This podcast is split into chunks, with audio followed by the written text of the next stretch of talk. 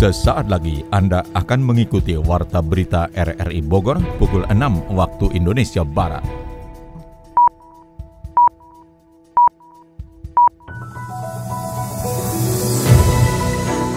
Selamat pagi, Saudara, kita bersua kembali lewat Warta Berita RRI Bogor, Senin 13 Desember 2021. Siaran ini juga dapat Anda dengarkan melalui aplikasi RRI Play, serta turut disiarkan Radio Tegar Beriman, Kabupaten Bogor. Berikut kami sampaikan berita utama. Kecewa atas progres pembangunan jalur sepeda Jalan Sudirman, Wali Kota Bogor mengancam memblacklist kontraktor. Selain COVID-19, hipertensi, jantung, kardiovaskuler, dan kanker, angka penderitanya di kota Bogor semakin meningkat. Bersama saya Mukhlis Abdillah, inilah Warta Berita selengkapnya.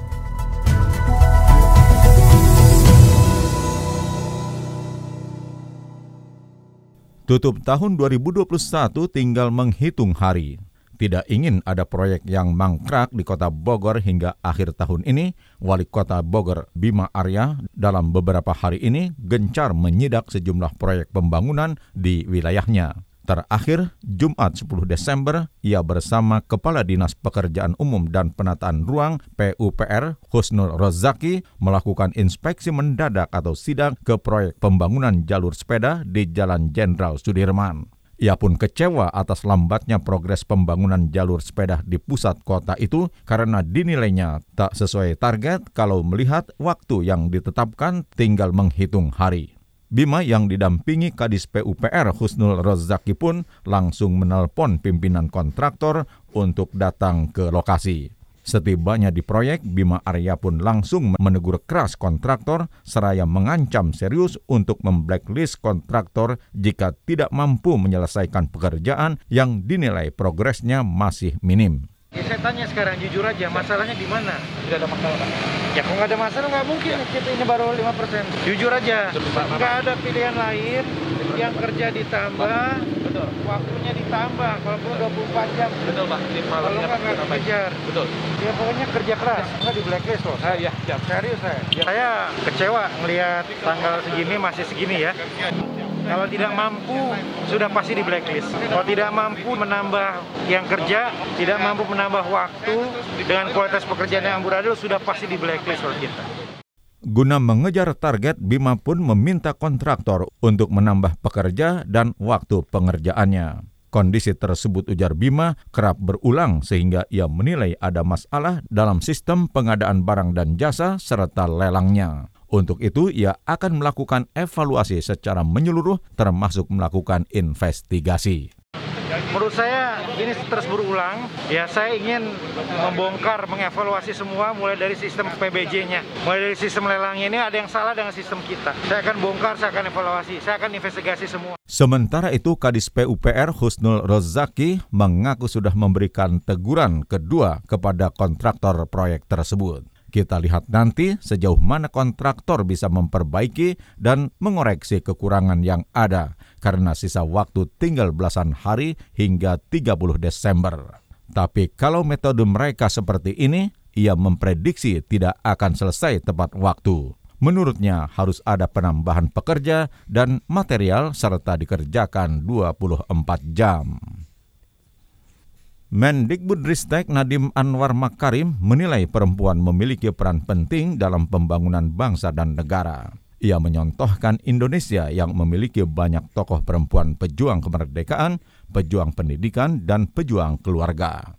Namun data menunjukkan adanya kerentanan perempuan karena mengalami kekerasan termasuk di lingkungan perguruan tinggi.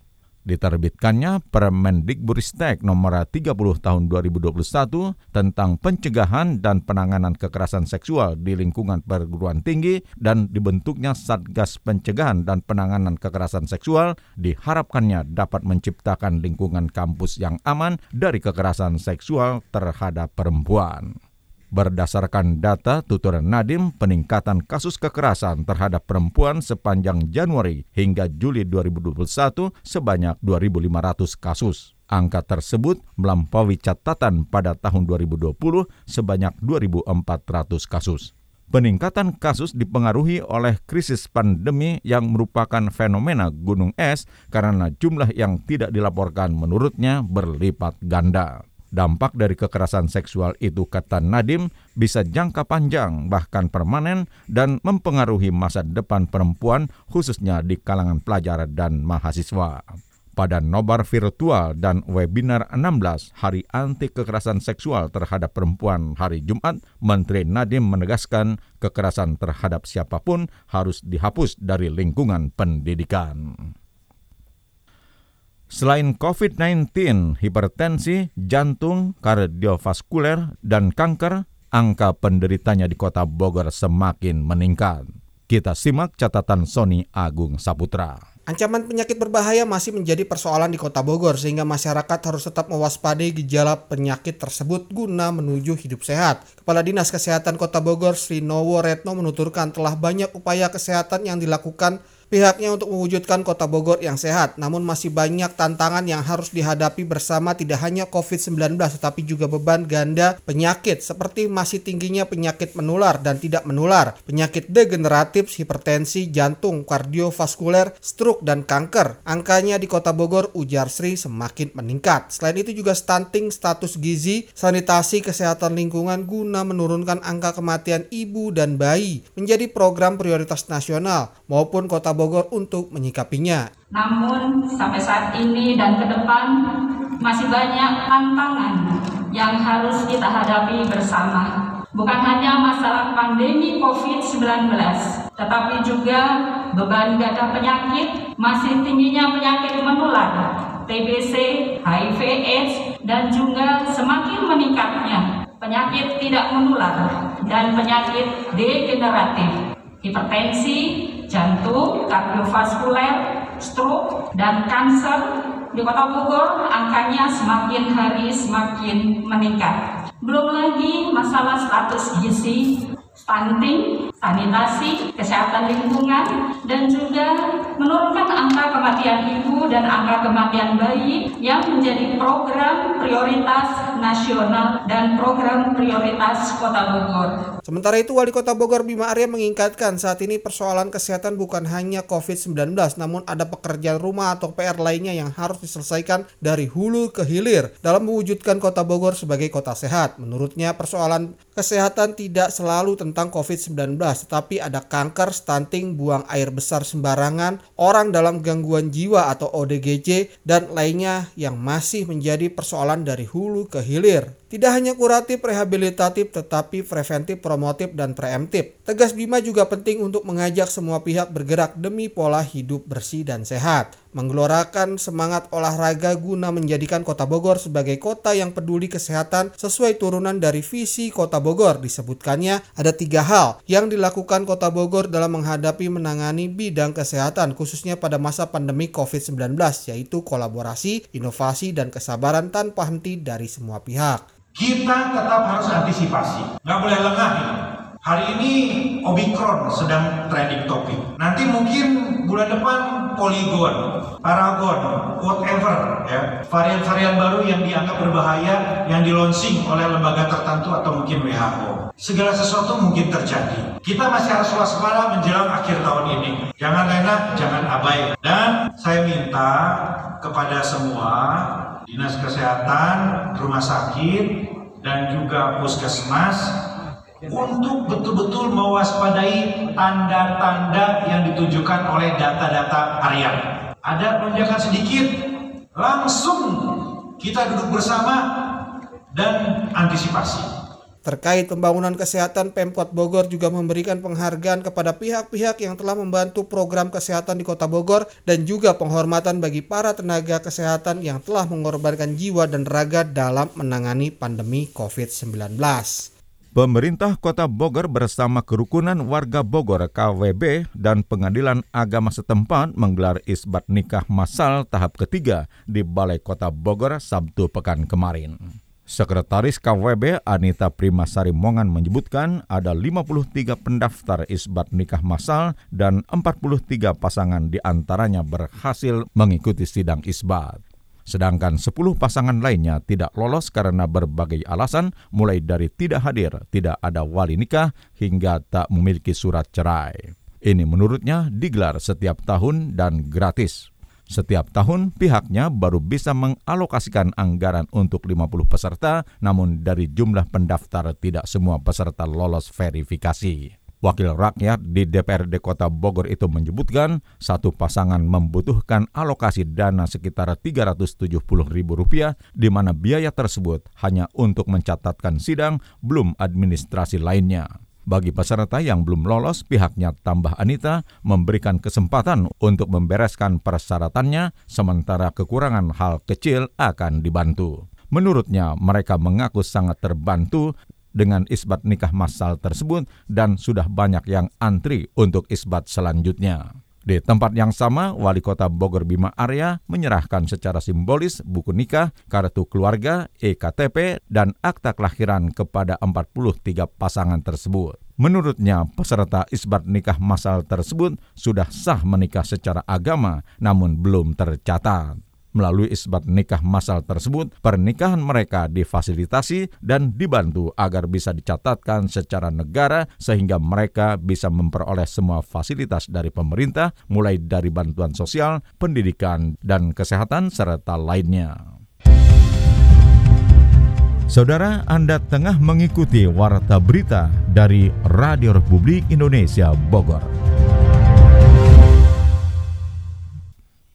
Hampir seluruh wilayah di 47 kecamatan di Kabupaten Sukabumi memiliki potensi bencana yang beragam, mulai dari banjir, tanah longsor, hingga pergeseran tanah. Adi Fajar Nugraha menurunkan catatannya. Kabupaten Sukabumi menjadi salah satu wilayah di Jawa Barat yang memiliki potensi bencana tinggi terlebih di musim hujan saat ini. Pemerintah setempat bersama stakeholder kebencanaan berupaya meningkatkan kewaspadaan dengan melakukan mitigasi bencana di seluruh wilayah. Wakil Bupati Sukabumi Iyo Sumantri mengatakan hampir seluruh wilayah di 47 kecamatan Sukabumi memiliki potensi bencana yang beragam, mulai dari banjir, tanah longsor hingga pergeseran tanah. Seluruh pihak khususnya aparatur kewilayahan diminta aktif melakukan sosialisasi tanggap bencana kepada kepada masyarakat untuk meminimalisir dampak dari bencana. Hari ini yang potensi di Kabupaten Sukabumi terlebih masih hari ini musim hujan adalah pertama longsor, banjir, kemudian ada retakan, ada di Sukabumi kan ada daerah yang pergeseran tanah. Ini yang dikhawatirkan oleh kami sehingga kami antisipasi, kami sosialisasi melalui camat, melalui kades, lurah, masyarakat dan LSM dan lain sebagainya sehingga kondisi untuk mengantisipasi musim penghujan ini tentunya ya kita kita harus siap siaga, hmm. jangan sampai ada korban. Pemerintah Kabupaten Sukabumi dikatakan IOS juga mengimbau kepada seluruh masyarakat untuk meningkatkan antisipasi bencana di musim hujan dan cuaca ekstrim saat ini. Ia juga meminta skenario penyelamatan jika terjadi bencana di lingkungan masyarakat dijalankan untuk meminimalisir korban bencana. Ya kami mengimbau kepada seluruh masyarakat ketika hujan tiba apalagi besar kemudian rumahnya yang ada di pinggir sungai atau di tebing dan sebagainya itu harus waspada dan ditinggalkan dulu lah sementara sebelum hujannya reda begitu. Kita khawatir terjadi hal-hal yang tidak diinginkan. Terlebih juga di daerah-daerah yang sudah ada gerakan-gerakan tanah yang sudah retak, sudah amblas dan sebagainya itu juga harus ditinggalkan untuk sementara waktu sebelum reda hujan. Menurut perakiraan cuaca dari BMKG bahwa wilayah Kabupaten Sukabumi termasuk dalam wilayah dengan potensi hujan lebat yang dapat disertai kilat atau petir dan angin kencang. Untuk itu seluruh pihak baik pemerintah maupun masyarakat diminta aktif melakukan mitigasi kebencanaan sebagai upaya meminimalisir dampak dari bencana alam. Aksi cepat tanggap ACT berkolaborasi dengan Persatuan Wartawan Indonesia PWI Jawa Barat dan PWI Peduli akan memberangkatkan truk kemanusiaan yang membawa bantuan dari masyarakat Jawa Barat menuju Lumajang, Jawa Timur. Regional Head ACT Jawa Barat Reno Mahmudin mengatakan kolaborasi kemanusiaan yang dilakukan bersama ACT merupakan bentuk nyata kepedulian yang besar dari warga Jawa Barat yang difasilitasi dan digerakkan ACT serta PWI untuk para korban terdampak erupsi Gunung Semeru yang saat ini masih tinggal di pengungsian. Targetnya ada 21 truk yang akan mengirimkan logistik bantuan ke posko ACT di Lumajang guna meringankan duka para korban. Bantuan yang dikumpulkan, baik uang tunai maupun logistik, rencananya akan diberangkatkan menuju Lumajang dari Bandung hari ini. Keberangkatan bantuan tersebut, ujar Reno, menjadi wujud nyata dukungan masyarakat Jawa Barat bagi penyintas letusan Semeru. Berdasarkan catatan tim Disaster Emergency Response Management ACT, hingga saat ini korban meninggal dunia akibat letusan Semeru berjumlah 43 jiwa. 13 orang masih belum ditemukan atau hilang, 32 orang mengalami luka berat dan 82 luka ringan. Sebanyak 6.542 jiwa hingga saat ini masih mengungsi di 121 titik pengungsian yang ada. Erupsi Gunung Semeru itu telah mengakibatkan 2.970 rumah rusak ringan dan berat. Sementara itu, saudara, sejumlah wartawan dan warga di kota Bogor menggelar doa bersama bagi korban erupsi Gunung Semeru di Masjid An-Naba, Kompleks Sekretariat PWI Kota Bogor hari Jumat. Doa bersama dipimpin Kiai Haji Komaludin selepas sholat Jumat. Jamaah yang hadir pun tampak husuk berdoa sambil menengadahkan tangan ke atas. Mereka terus mengaminkan doa-doa yang dipanjatkan sekaligus dipimpin Kiai Haji Komaludin. Mereka berdoa semoga yang sedang tertimpa musibah, terutama yang wafat dalam keadaan husnul khotimah, diampuni segala dosanya, dijadikan ahli surga oleh Allah Subhanahu wa Ta'ala. Sedangkan untuk keluarga yang ditinggalkan, semoga diberikan kesabaran dan ketabahan oleh Allah Subhanahu wa Ta'ala. Teh, enak ya kalau sore-sore gini jalan di Malioboro. Gak salah nih kita liburan ke sini. Iya atuh, kalau soal wisata mah Indonesia teh paling jago dan udah terkenal juga di luar negeri. Iya ya teh. Lihat kanan, bule. Lihat kiri, bule. Tuh, depan kita juga bule. Tah eta. Tapi ngomong-ngomong, kita beliin oleh-oleh apa dong teh buat mama? Nih, ini aja nih, tas rajut, hmm, cantik pisan. Aduh teh, itu mah buatan lokal. Nggak mau ah. Loh, emangnya kunaon? Kenapa buatan lokal teh? Justru nih ya, sekarang mah kerajinan lokal kayak gini yang dicari. Masa sih? Tuh dengar, bule aja rela jauh-jauh pelesiran ke Indonesia dan beli barang-barang asli Indonesia. Kita tuh harus bangga Masa kalah sama bule? Ya udah, mulai sekarang adek bangga sama barang-barang buatan asli Indonesia. Cakep, gitu atuh. Saudara, Anda tengah mengikuti warta berita dari Radio Republik Indonesia Bogor. Kemendikbudristek siap menyalurkan tambahan bantuan kuota data internet Desember ini. Pemberian tambahan bantuan kuota data internet kepada pendidik dan peserta didik itu didasari penerapan kebijakan PPKM berdasarkan instruksi Mendagri. Mendikbudristek Nadim Anwar Makari mengatakan melihat besarnya manfaat bantuan kuota data tersebut untuk mendukung proses pembelajaran yang berlangsung secara kombinasi antara tatap muka terbatas dan pembelajaran jarak jauh PJJ saat ini. Untuk itulah pihaknya ujar Menteri memutuskan untuk memberikan tambahan bantuan kuota internet bulan ini. Bantuan kuota data internet tambahan itu disalurkan secara bertahap mulai 11 hingga 15 Desember nanti dengan masa berlaku 30 hari terhitung sejak diterima. Nadiem menyebutkan peserta didik PAUD mendapatkan kuota data sebesar 3 GB per bulan peserta didik jenjang pendidikan dasar dan menengah Dikdasmen mendapatkan kuota data sebesar 4 GB per bulan. Dan untuk guru jenjang PAUD, Dikdasmen, mahasiswa dan dosen mendapatkan tambahan bantuan kuota data internet sebesar 5 GB per bulan. Beralih ke informasi olahraga, Kadin Kota Bogor dan Pemkot setempat menyulap Balai Kota Bogor menjadi lapangan basket menyusul kehadiran pebasket andal nasional Denny Sumargo dalam 3 on 3 basketball.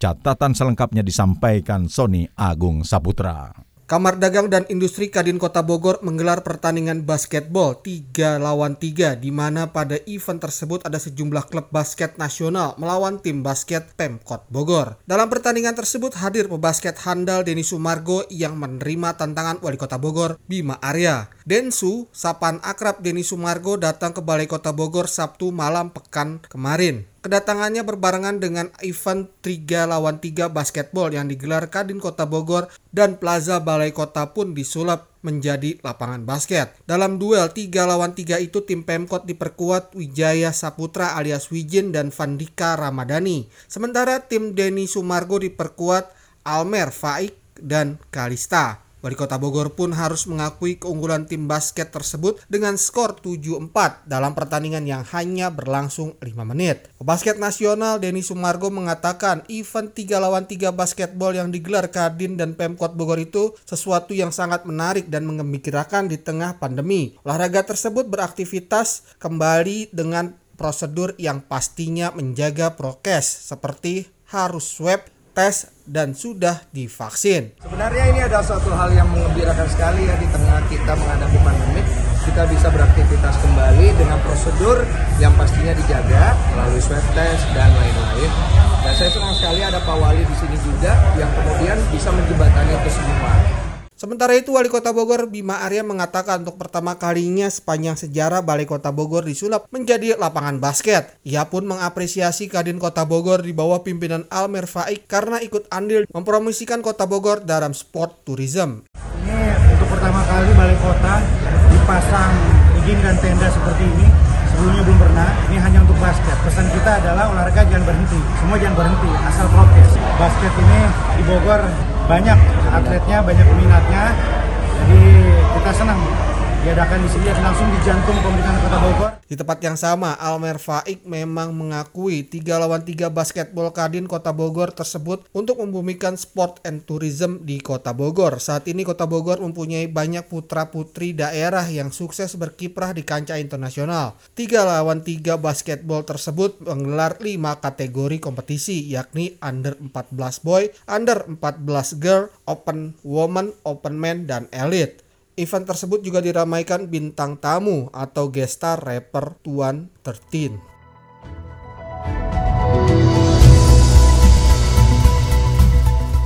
Saudara, informasi olahraga tadi sekaligus menutup perjumpaan kita lewat Warta Berita RRI Bogor pagi ini. Sekali lagi kami sampaikan berita utama.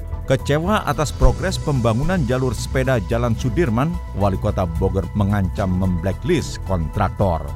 Selain COVID-19, hipertensi, jantung, kardiovaskuler, dan kanker, angka penderitanya di kota Bogor semakin meningkat. Siaran ini dapat Anda dengarkan kembali melalui podcast kami di Spotify, Anchor, Podtail, dan Google Podcast. Saya Mukhlis Abdillah merangkap Desk Editor bersama penata teknik Mahdi Nur mengucapkan terima kasih atas kebersamaan Anda. Selamat pagi.